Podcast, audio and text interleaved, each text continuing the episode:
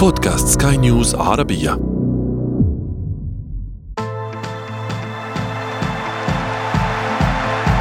أثير الكرة.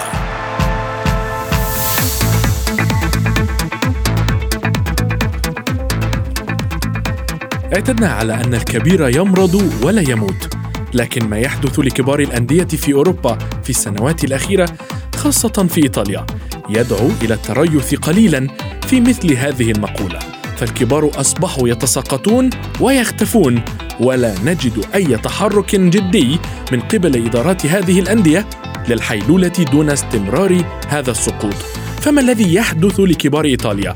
ولماذا لا نشاهد تحركات لحل الأزمات داخل هذه الأندية؟ وما هو الحل الأمثل للعودة إلى المسار الصحيح والذي اعتدنا عليه هذه الأسئلة وأخرى نناقشها ونحللها اليوم في أثير الكرة. معي أنا محمد عبد السلام ولكن دعونا اولا نبدأ من العناوين. كبار الكالتشيو في خطر واليوفي الأكثر تضررا. آفة نقد الحكام تصل إلى إيطاليا والفار في وجه المدفع. وفي فقرة ما لا تعرفونه عن كرة القدم نكشف لكم المباراة صاحبة الرقم القياسي في عدد البطاقات الحمراء. تغيير الكرة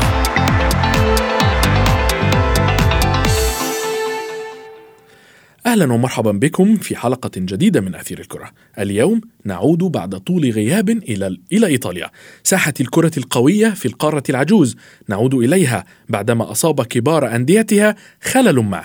يمكننا القول إننا نعلم بعض أسبابه ولكن خباياه هذا ما سنحاول معرفته في حلقة اليوم. sulla certe!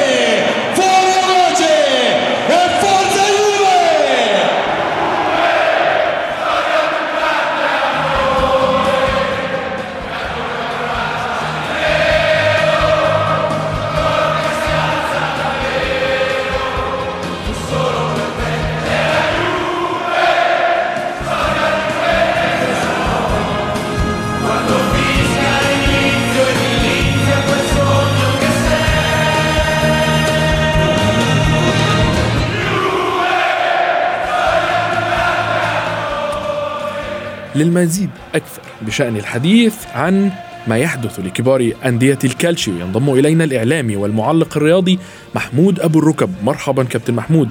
كابتن دعنا بداية نسأل عن ماذا حل بالأندية الإيطالية هذا العام والعام السابق؟ صباح الخير محمد سعيد جدا إن أنا موجود مع حضرتك وكل أصدقائنا المستمعين في سكاي نيوز اريبيا خليني أقول لك بكل صراحة إنه أنا يعني مختلف شوية مع الناس اللي شايفة المشكلة عند الأندية الكبيرة.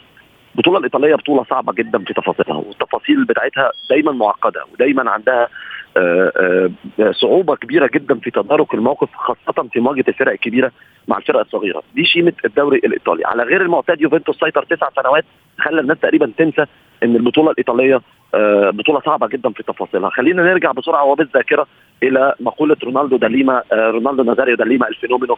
لما اتكلم وقال إنه أول ما جه إيطاليا ولقى زامورانو ولقى روبي باجيو ولقى ألفارو ريكوبا ولقى فرقة هجومية قال إحنا غالبا هنخلص المباريات هنسجل 50 جول كل مباراة. كناية طبعا عن غزارة الأهداف المتوقعة. لكني فوجئت بإن في كل مباراة دائما ما يكون هناك أفضل مدافع في العالم وأفضل حارس في العالم وأفضل وسط ملعب في العالم. كناية على إنه حتى اللعيبة ذات القدرات المتوسطة يلعبون بروح كبيرة جدا أمام الأندية الكبيرة. والحقيقة ده بيودي قد إيه وبيورينا قد إيه قوة المنافسة في الدوري الإيطالي مختلفا عن آه، باقي المسابقات وباقي البطولات. فالأندية الكبيرة آه، بتعاني فعلا في بداية المباراة لأن المباريات كلها صعبة وبنشوف نتائج عكسية وبنشوف نتائج فيها تعادلات. وده اللي بيدل على جدول الترتيب إن تقريبا في 10 فرق آه، متتاليين في جدول الترتيب. لا يمكن إن إحنا نغفل عن إنه آه ممكن يكون فريق مستواه انخفض فريقين مستواهم انخفض ثلاث فرق مستواهم انخفض. لكن إن يبقى المباريات كلها بتخلص بتفاصيل صعبة ومباريات معقدة رغم وجود النجوم آه مع استثناء حالة اليوفي لأن حالة اليوفي حالة خاصة. نعم هنا تحديدا سوف أسألك عن اليوفي. نادن أنت ذكرت أنه حقق تسع أعوام متتالية والآن فقط هو يصارع للبقاء بين الأربعة آه، أو الخمسة الكبار في في الدو في في ترتيب الدوري لماذا وصل الحال إلى اليوفي لهذا يعني لماذا وصل اليوفي إلى هذا الحال الآن خليني أقول لك ثلاث أسباب آه، من وجهة نظري الشخصية ومن خلال متابعة كثيفة للدوري الإيطالي في أكثر على مدار أكثر من 20 موسم تقريبا. ثلاث آه، أسباب منها الطبيعي ومنها المصطنع ومنها اللي سوء الحظ كان ليه فيه دور كبير جدا. بداية من طبعا اللخبطة الإدارية الكبيرة جدا اللي حصلت ليوفنتوس وعدم وضوح موقف أنيلي والمشاكل الكبيرة اللي عملها آه، أنييلي في وجوده طبعا مع ال Super League وقصة ال Super League وما دار حولها وانشغال بال الإدارة بيها. الشيء الثاني عدم قدرة اليوفي على استغلال ذروة الفريق مرتين مع ماسيميليانو أليجري والخسارة نهائي دوري الأبطال أدى إحساس لأن الفريق حتى وهو في قمة عطائه غير قادر على آه، آه، الخروج من من الأزمة. الشيء الثالث وضع طبيعي جدا إنه بعد السنين من السيطرة يحصل شيء من انخفاض المستوى. الجزء الأهم اللي يبدو بالنسبة لي واضح جدا إنه الآن للأسف دخل اليوفي في دوامة ونفق مظلم من عدم الثقة وعدم اليقين في النفس وهو شبه النفق المظلم اللي مر بيه الانتر ومر بيه الميلان في فترات ال turbulence الاقتصادي أو المتاعب الاقتصادية اللي تعرضوا عليها عقب رحيل برلسكوني وعقب رحيل ال presidente ماسيمو موراتي فهي خليط من الظروف ينتهي بحبة كرز آه، شوهت الصورة. اعتدنا ان إحنا نقول حبة الكرز توضع على التورتة ولكن للأسف حبة الكرز هو ماسيميليانو أليجري اللي يصر بعناد شديد جدا إنه يلعب ضد آه، إمكانيات فريقه إنه يلعب بصعوبة كبيرة وإنه يلعب برغبة في آه، إثبات وجهة نظره وإثبات قدرته على إنه أنا هو صحيح وان هو في موقف صح وان هو دايما بيكون اللي عنده الرؤية الصحيحة نعم. وده بيصعب الأمور جدا على فريق يوفنتوس وبيخلي اليوفي غير قادر على الخروج من المربع صفر كل ده حطه في إن المباريات أصلا كلها صعبة وتفاصيلها صعبة. كل ده حط ضغوطات إن يوفنتوس دائما بطل. في نظر عشاقه نعم ولكن كابتن محمود آه، يعني آه، آه، ألا ترى أن أليجري يعلم أن المباريات صعبة ومع ذلك يصر إصرار غريب جدا على البدء بتشكيل يعني أقل المحللين يقول أنه تشكيل غريب، لماذا يبدأ آه، آه، آه، أليجري مبارياته حتى السهلة بهذا التشكيل الغريب كما شاهدنا في المباراة الأخيرة لليوفي؟ بكل صراحة هو رهان دايما المدير الفني بياخده ودايما المدير الفني بيراهن عليه إنه لو اجتاز عنق الزجاجه باسلوبه سينجح في فرض أسلوبه على أطول المدة، ما تنساش سوء الحظ والتوفيق الكبير جدا أيضا اللي لازم يوفنتوس في إصابة مفاتيح لعب أساسية كان ممكن تغير شكل الفريق تماما، الحديث على كييزا اللي حتى الآن في شك كبير جدا عن آه، مدى جودة الإصابة ومدى عودة للإصابة من عدمها ومدى قدرته على التعافي مر عام الآن تقريبا. وكييزا ما زال خارج الملعب، إصابة بول بوجبا اللي هتكون إصابة طويلة ورغم إنها صفقة نوعية آه، دي ماريا والاستعجال عليه والشك إنه يجي له إصابة مزمنة وعدم رغبة اللاعب أيضا في المخاطرة لأنه موسم كاس العالم ومش حدش خلاص كاس العالم باقي عليه أقل من من شهرين ومحدش عايز يخاطر بإصابة عنده أو بإمكانية عنده إنه يحصل. كل ده يجبر المدير الفني على اتخاذ بعض القرارات في الملعب. من شأنها إنها تبدو غير واضحة للناس. أنا مش بدافع عن ماسيميليانو اليجري لكن بقول إن إحنا آه، أمام وضع معضلة صعبة جدا. على المدرب إنه يكون ذكي بالقدر الكافي زي ما جوزيه مورينيو كان دايما بيقول نعم. إن أفضل مدرب مش هو اللي صاحب التشكيل الأفضل ولا صاحب اللعيبة الأفضل ولا صاحب النجوم الأفضل the one who adapt فن ال adaptation فن القدرة على التكيف وال adaptation مع الظروف والمعطيات اللي حواليك وعلى ماسيميليانو أليجري أن يعي اننا الآن في العام 2022 نعم تحدثت عن انيلي انيلي بالفعل منذ الأزمة آه، آه، التي أثيرت بشأن السوبر ليج وإقامة السوبر ليج وأنه كان أحد الداعمين الرئيسيين لهذه الأزمة وهذه البطولة اختفى تقريبا. ولكن مع اختفائه لا نستطيع أن ننكر أن اليوفي هو النادي الوحيد في إيطاليا. الذي أقام أو أبرم صفقات جيدة إلى حد ما بأسماء جيدة في هذا الميركاتو ومع ذلك لم يستفد منها أليجري. متفق معاك جدا لكن أنا ما أقدرش أقيم الصفقات لسبب إنه الإصابات حجمت الصفقات. فيليب كوستس لاعب رائع جدا هو الوحيد اللي بيبقى موجود في الملعب وبيقدم الإضافة وشفناه في العديد من المباريات إنه إضافة جيدة جدا ومع استقرار حالة الفريق هتقدر تدخل ده. خلي بالك أصعب حاجة تعملها في العالم إنك تدخل مجموعة جديدة من اللعيب على بيئة نادي بطل مش مستقرة. صعب جدا جدا. لازم النادي البطل اللي مش مستقر بيتعرض لضغوطات أضعاف أضعاف الأندية اللي تبحث عن بطولة. يعني الضغوطات في بيئة نابولي في بيئة إنتر في بيئة يو في بيئة ميلان آآ آآ في السنين الأخيرة مش مستقرة لأن الناس متعودة إن الفرق خارج المنافسة بقى لها فترة. لكن الضغوطات في بيئة يوفنتوس دائما ما تكون كبيرة للغاية. فقدرة المدرب على توظيف اللاعبين الجدد الصفقات الجديده قدرة تبدو محدودة الآن نتيجة الظروف اللي كلنا ذكرناها. اختفاء أنيلي إشارة إلى إنه وظهور لابو إلكان اللي كان بعيد تماما عن الصورة أثناء ما الفريق بيفوز. والكل يعلم تماما إنه عائلة أنيلي بكل فروعها بقصتها الشهيرة مع شركة إكسور للاستثمار المسؤولة عن ضخ الاستثمارات بشكل نعم. مباشر في شركة يوفنتوس في كرة القدم. آه، آه، أصبح لها دور محدود. الآن ابتدينا نشوف تويتات من لابو إلكان. وابتدينا نشوف حديث على بافل نيدفيد. وابتدينا نسمع عن صراع خفي في أروقة يوفنتوس ما بين بافل نيدفيد وماسيميليانو أليجري وإنه team أنيلي ماسيميليانو أليجري أنيلي هم الأصدقاء وإن team بافل نيدفيد لابو إلكان وإن أريفابيني بيصطدم بالكل. فكل الحاجات دي ما كناش بنسمعها في يوفنتوس الحقيقة الواضحة والصريحه إن يوفي فقد الكثير جدا من عمله كمنظومة إدارية آه، ناجحة جدا برحيل بيبي ماروتا اللي مع السنين ومع الوقت ومع الزمن آه، آه، الناس كلها عرفت قيمة قد إيه بيبي ماروتا كان من أنجح الإداريين الموجودين في بيت يوفنتوس. نعم وهنا تحديدا سوف يقول الجميع بأن نعود للنقطة الأساسية وهو في الغالب أن ما, ما وصل إليه اليوفي هو بسبب سوء في الإدارة. شكرا جزيلا لك. كنت معي الإعلامي والمعلق الرياضي محمود أبو الركب. تغيير الكرة.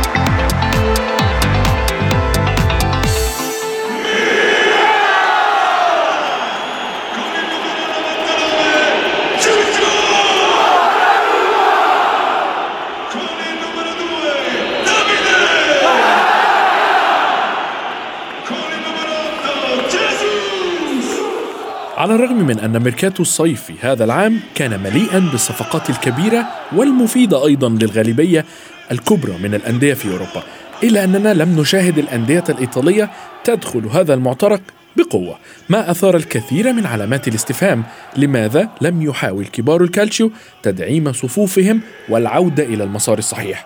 للإجابة عن هذا السؤال وأسئلة كثيرة أخرى دعوني أرحب بالصحفي الرياضي منير رحومة الذي ينضم إلينا الآن كابتن منير مرحبا بك. دعني أولا أبدأ بالسؤال الأبرز خلال هذه آه، آه، آه، الفقرة. لماذا لم يحاول كبار الكالتشيو تدعيم صفوفهم والعودة إلى المسار الصحيح كما كانوا من قبل؟ مرحبا محمد مساء عليكم. الساده مشاهدي مستمعي سكاي نيوز العربيه طبعا سؤال في محله خاصة أن اليوم الكثير من كلام يقال على عودة الكرة الإيطالية إلى الواجهة وعودة الفرق الإيطالية إلى مكانها الطبيعي على المستوى الأوروبي خاصة أن الدوري بدأ يعني يعيش نوعا من الإثارة والمتعة آه، خلال خاصة هذا الموسم. لكن على المستوى الأوروبي وهو الاختبار الحقيقي يعني اليوم آه، نشاهد أن الأندية الإيطالية بدأت متعثرة هذا الموسم وهذا ما يؤكد أن اليوم المستوى بين الأندية الإيطالية ومقارنة بالأندية الإنجليزية أو الإسبانية وحتى الألمانية هناك فرق خاصة يعني على مستوى التعاقدات و جلب اللاعبين النجوم الكبار القادرين على تقديم الإضافة والقادرين على خوض معترك آه، مسابقة دوري أبطال أوروبا. فنعلم جيدا محمد أن الكرة الإيطالية خلال السنوات الماضية مرت بفترات عصيبة جدا هبط المستوى الفني وكثير من المشاكل المادية التي لم تساعد الفرق على استقطاب نجوم كبار.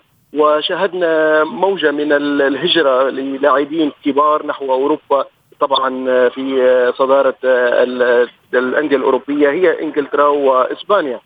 فهذا الموسم لا يمكن أن نطالب محمد الفرق الإيطالية بأن تكون منافسة جدية على الألقاب في أوروبا رغم طبعا عودة الاي سي ميلان وهذا النادي العملاق على المستوى الأوروبي للمنافسة الأوروبية في الموسم الماضي وهذا الموسم لكن آه لابد أن نعترف أن إمكانيات هذه الأندية إمكانيات عادية جدا لا يمكن أن تسعفها لمواجهه أندية كبرى مثل ريال مدريد مثلا ليفربول نعم كابتن منير هنا هنا تحديدا هنا تحديدا سنعود للسؤال مرة أخرى. لماذا لم يقم دعنا نتحدث عن الميلان. لماذا لم يقم ميلان بأن بعدد من الصفقات خلال الميركاتو التي تدعم موقفه؟ فهو بطل الدوري الموسم الماضي. نعم. آه لابد أن يكون آه دخل هذا الموسم بغرض الحفاظ على لقب الدوري وأيضا لتحسين صورته اوروبيا بعدما خرج من دوري المجموعات في في دوري أبطال أوروبا الموسم الماضي. نعم صحيح طبعا السؤال في مكانه لأنه أي سي ميلان كل العيون والأخبار كانت منصبة تجاه هذا النادي الكبير لأنه نادي آه، له مكانة أوروبية كبيرة نادي البطولات والنجاحات على مستوى الشامبيونز ليج. فكان الجميع يتوقع أن تكون يعني آه، التتويج بلقب الدوري هي المحطة التي يعني تسبق العودة الأوروبية القوية. لكن آه، لابد أن نعرف أن إي سي ميلان كيف فاز الموسم الماضي بهذا اللقب فاز بعدد من اللاعبين الشباب. يعني لا يمكن أن نقارن نجوم إي سي ميلان بنجوم الأندية الأوروبية الأخرى.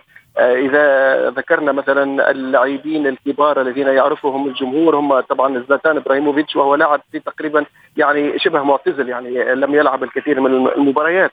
وحتى خلال هذا الموسم لما دخل اي سي ميلان آه، سوق الانتقالات الصيفيه كان التركيز على عدد من اللاعبين الشباب من بلجيكا وفرنسا فلم يكن قادرا على منافسة الأندية الكبرى في أوروبا وعلى ضخ أموال كبيرة لأنه لا يملك يعني آه، استثمارات حقيقية. وحتى بالنسبة للمالك الجديد الذي آه، انضم مؤخرا يعني هذه لهذا النادي طبعا لم يقدم الكثير من الأموال ولم يعني يضخ اعتمادات كبيرة تساهم على الأقل يعني في بروز هذا النادي على المستوى الأوروبي.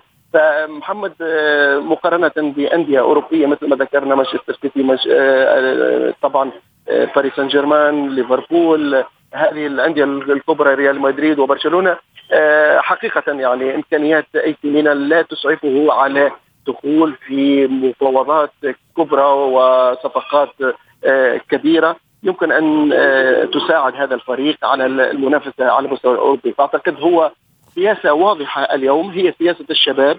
الاعتماد على عناصر آه، صغيرة. يوظفها طبعا بيولي بطريقته المعتادة وبأسلوبه التكتيكي الناجح الذي يعني يسير به الفريق.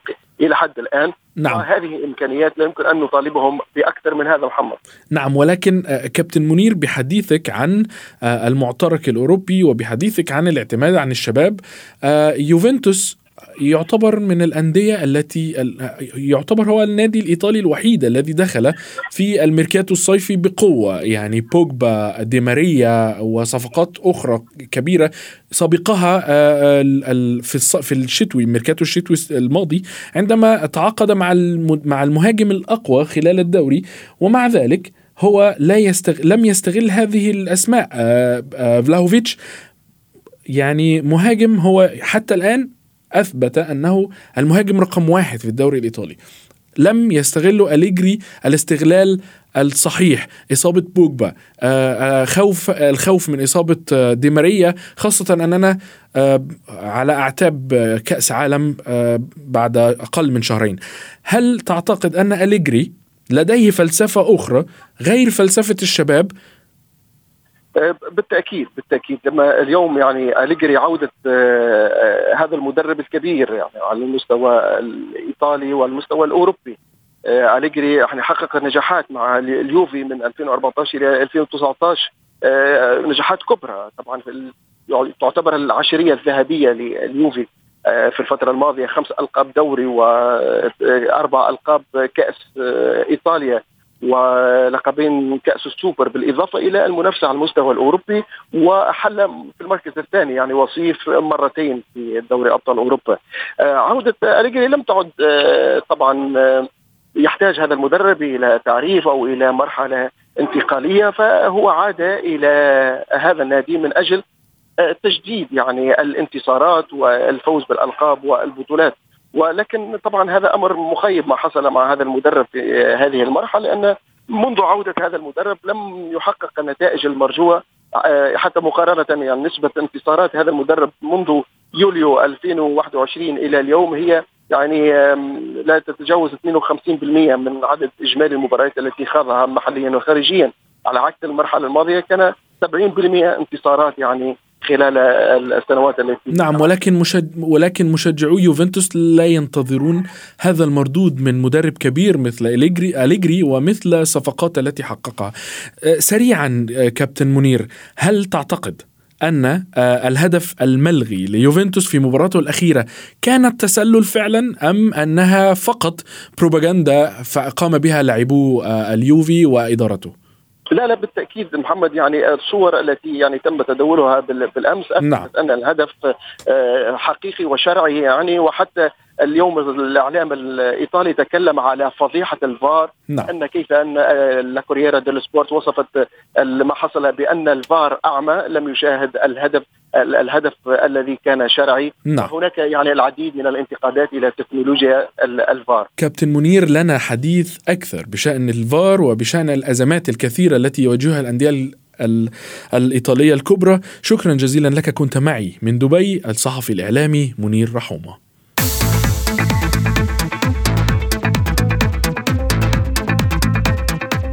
في بعض الأحيان. تعرف مباريات كرة القدم بخروج الأمور عن السيطرة تماما كما حدث في مواجهة يوفنتوس الأخيرة في الكالتشيو والتي شهدت أربع بطاقات حمراء ثلاث منها للاعبين والأخيرة لمدرب السيدة العجوز ماسيميليانو أليجري إضافة إلى أربع بطاقات صفراء أخرى. وقد تظن أن هذا العدد من البطاقات الملونة كبير ولكن في فقرة ما لا تعرفونه عن كرة القدم نكشف لكم أكبر عدد من البطاقات الحمراء منحها حكم في مقابلة واحدة. جدير بالذكر أنه بدأ استخدام عقوبة الطرد في كرة القدم عام 1970 وخرجت الأمور عن السيطرة بعدها بعام واحد حين طرد حكم مباراة بوكا جونيورز الأرجنتيني وسبورتينج كريستال البيروفي في كأس ليبرتادوريس 19 لاعبا ممن هم في الملعب وحتى من على دكة الاحتياط بسبب شجار عنيف جدا بدأ بين اللاعبين. لكنها ليست الحصيلة الأكبر إلى الآن. ففي عام 2011 بدأت مباراة في الدرجة الخامسة الأرجنتينية بطرد لاعبين قبل نهاية الشوط الأول. وشهد الشوط الثاني اندلاع حالة من الفوضى وموجة من الركل واللكم مما جعل الحكم يطرد جميع اللاعبين العشرين المتبقين على أرض الملعب بالإضافة إلى 14 لاعبا ومدربا لتكون الحصيلة الإجمالية 36 بطاقة حمراء وهو رقم قياسي قد يصعب تحطيمه. بهذا نكون قد وصلنا وإياكم إلى صافرة النهاية من حلقة اليوم. انتظرونا في حلقات جديدة قادمة. كنت معكم أنا محمد عبد السلام. إلى اللقاء. تغيير الكرة.